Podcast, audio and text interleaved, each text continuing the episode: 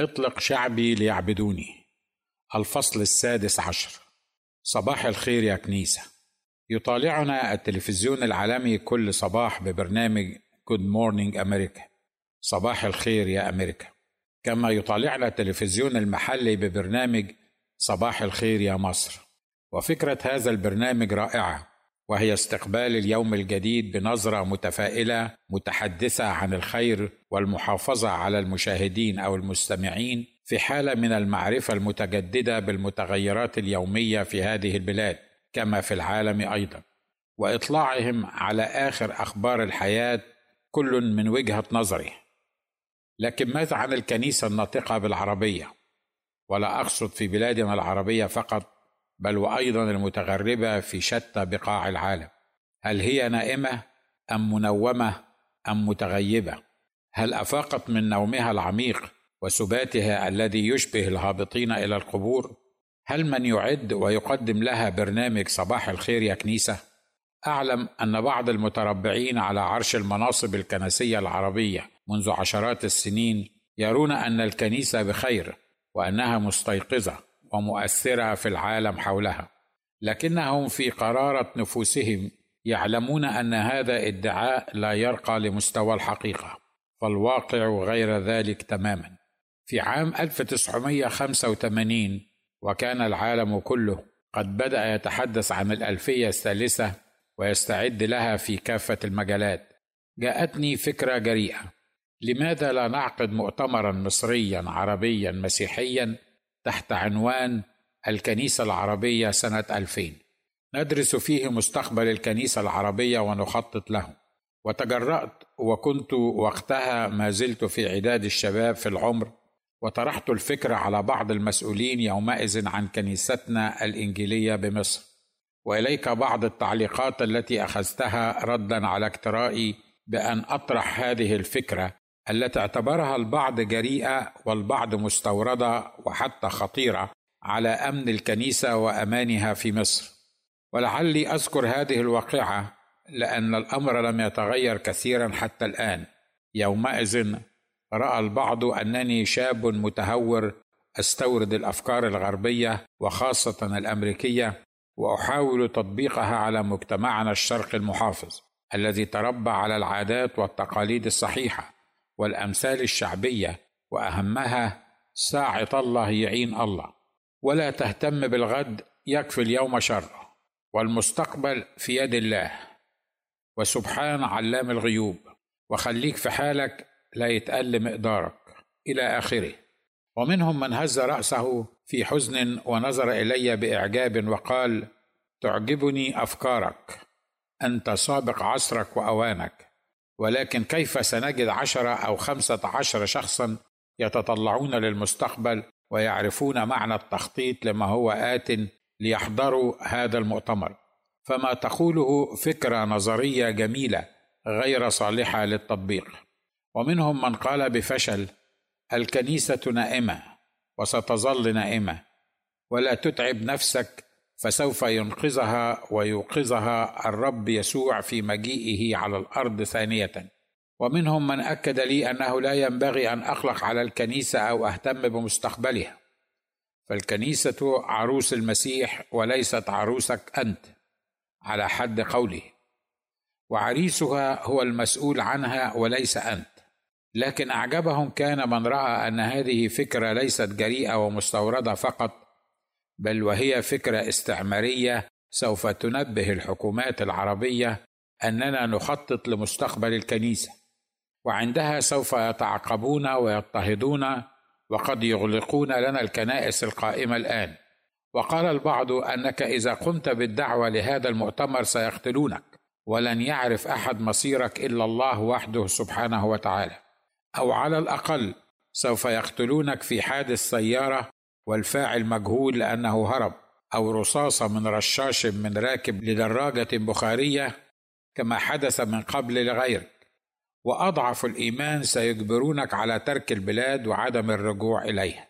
فقلت لهؤلاء لقد أسست هيئة اتحاد الشباب المسيحي بمصر سنة 1981 في أيام كانت تختلف عن الأيام التي نعيش فيها وعقدت عشرات المؤتمرات واللقاءات والحفلات الدينية المسيحية ولم يقتلني أحد ولم يجبرني أحد على ترك البلاد.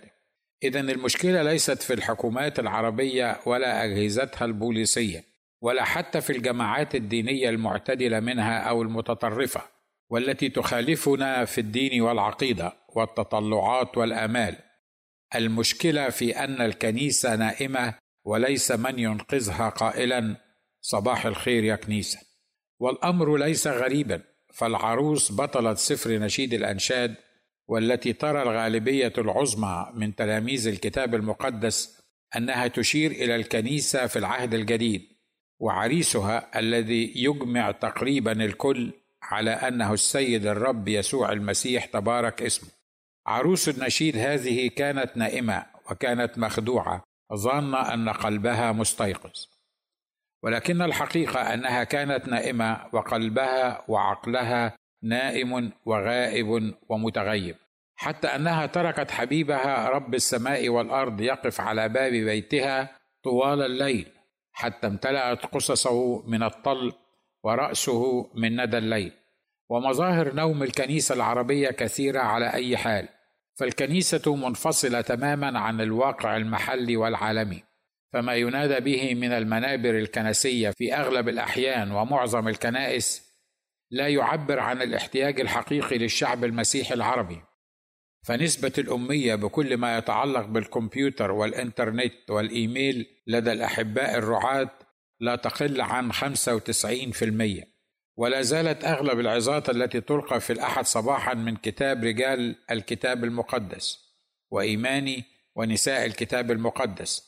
وفهرس الموضوعات الكتابية ولا تفاعل بين الكنيسة العربية والمجتمع الذي تعيش فيه إلا في الزيارات الرسمية التي يقوم بها المسؤولون لنظائرهم من قادة رجال الأديان الأخرى وغيرهم. والغالبية العظمى من قادة الكنائس والعمل المسيحي في الشرق الأوسط لم يسمعوا من قبل تعبير خطة قصيرة الأمد وخطة طويلة الأمد وهم يظنون أن التخطيط لمستقبل الكنيسة إنما هو معوق العمل الروح القدس وضد الإرشاد الإلهي في السير بالكنيسة. فهم ينتظرون حدوث المصيبة اولا ثم يطلبون إرشاد الروح القدس في حلها. فلا عجب من ذلك فكثير من رعاة الكنائس والقادة والوعاظ لا يجهزون لعظاتهم ولا يفكرون فيما سيقولون من المنابر اتكالا على إرشاد الروح القدس وعملا بالنص الكتابي افغر فاك وأنا أملأه. مع ان هذه الكلمات لا علاقة لها بالتخطيط والدراسة والإعداد لا لعظة يوم الأحد ولا لمستقبل الكنيسة في مصر ولا مستقبل الكنيسة العربية عامة. ولم تستيقظ الكنيسة عندما خرجت منها جماعات مسيحية تطرف قادتها وألقوا ولا زالوا حجارتهم عليها. ولم تستيقظ الكنيسة يوم كانت البرامج التلفزيونية تهين سيدها وعريسها القادر على كل شيء شخص الرب يسوع المسيح وتتهمه بأشنع التهم وهو المنزه سبحانه عن الخطية فهو الذي لم يعمل خطية ولم يكن في فمه غش. واكتفى يومئذ المسؤولون عن الكنيسة بالصلاة لذلك الداعية بأن يغفر له المولى ويتوفاه مع الصديقين والأبرار. ولم تستيقظ الكنيسة بعد أن هجرها خيرة شبابها وفضلوا اجتماعات البيوت على اجتماعاتها. واليوم وقد دخلنا عصر الأقمار الصناعية والإنترنت كما دخلنا عصرا جديدا فيه تتطاول بعض الصحف العربية على قادة الكنيسة ورجالها وطوائفها بل ومعتقداتها بدعوى حرية الصحافة ونشر الرأي والرأي الآخر في مقالات وتحقيقات مغرضة وخالية من كل نزاهة صحفية ومثيره للفتن الدينية والطائفية اليوم أصبح لزاما على الكنيسة أن تفيق من سباتها. لابد للعودة إلى نفس الفكرة الجريئة مرة أخرى. لابد من التخطيط لمستقبل الكنيسة الناطقة بالعربية. هناك خطورة أن تظل الكنيسة لا تسمع ولا ترى ولا تتكلم. إن الكنيسة لا تسمع زمجرة الأسد الشيطان عدونا الأوحد وخصمنا الذي يجول ملتمسا من يبتلعه.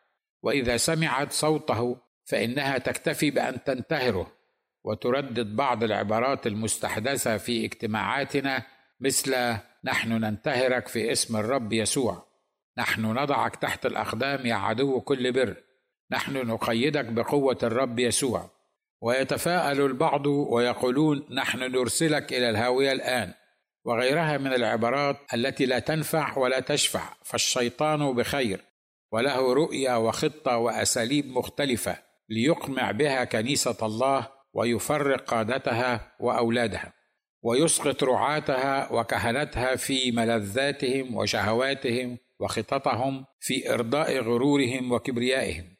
ولا يضيره كثيرا الانتهارات والتشنجات الصادرة من الكنيسة التي تغط في نومها وتحتاج لبرنامج صباح الخير يا كنيسة. لكن ترى ما هي الأسباب التي أدت إلى نوم الكنيسة الناطقة بالعربية؟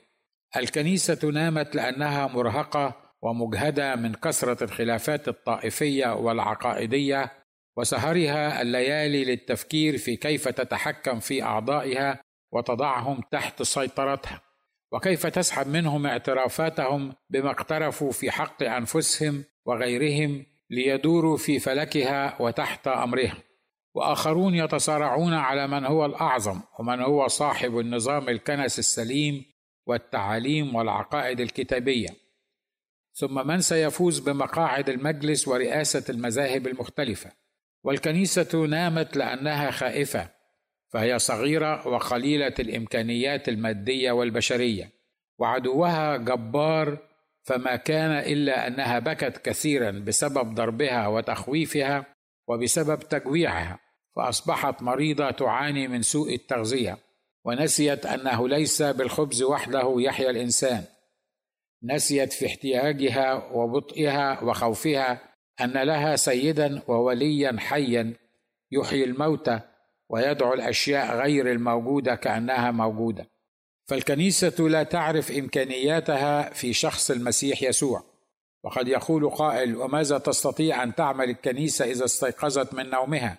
وللإجابة أقول أن الكنيسة تستطيع أن تفتن المسكونة وتدعو لملكوت السلام والمحبة والفرح بملك السيد المسيح على القلوب. أن الكنيسة تستطيع أن تغير حالة العالم فلها سلطان من سيدها أن تحل وتربط على الأرض تفتح ابوابا وتغلق ابوابا وتخطف النفوس من أبواب الجحيم وتفتح أبواب السجون وتطلق الأسرى وأبواب الجحيم لن تقوى عليها. أليس هذا عين ما فعلته الكنيسة الأولى وكانت قليلة العدد والحيلة في مجتمع يهودي متحجر ومتعصب ومتطرف ومفتري وفي إمبراطورية رومانية منحلة وفاجرة؟ وفي النهاية أقول أن الكنيسة لن تستيقظ إلا إذا حنت إلى المسيح احشاؤها ورجعت لكتابها المقدس الإنجيل الكامل.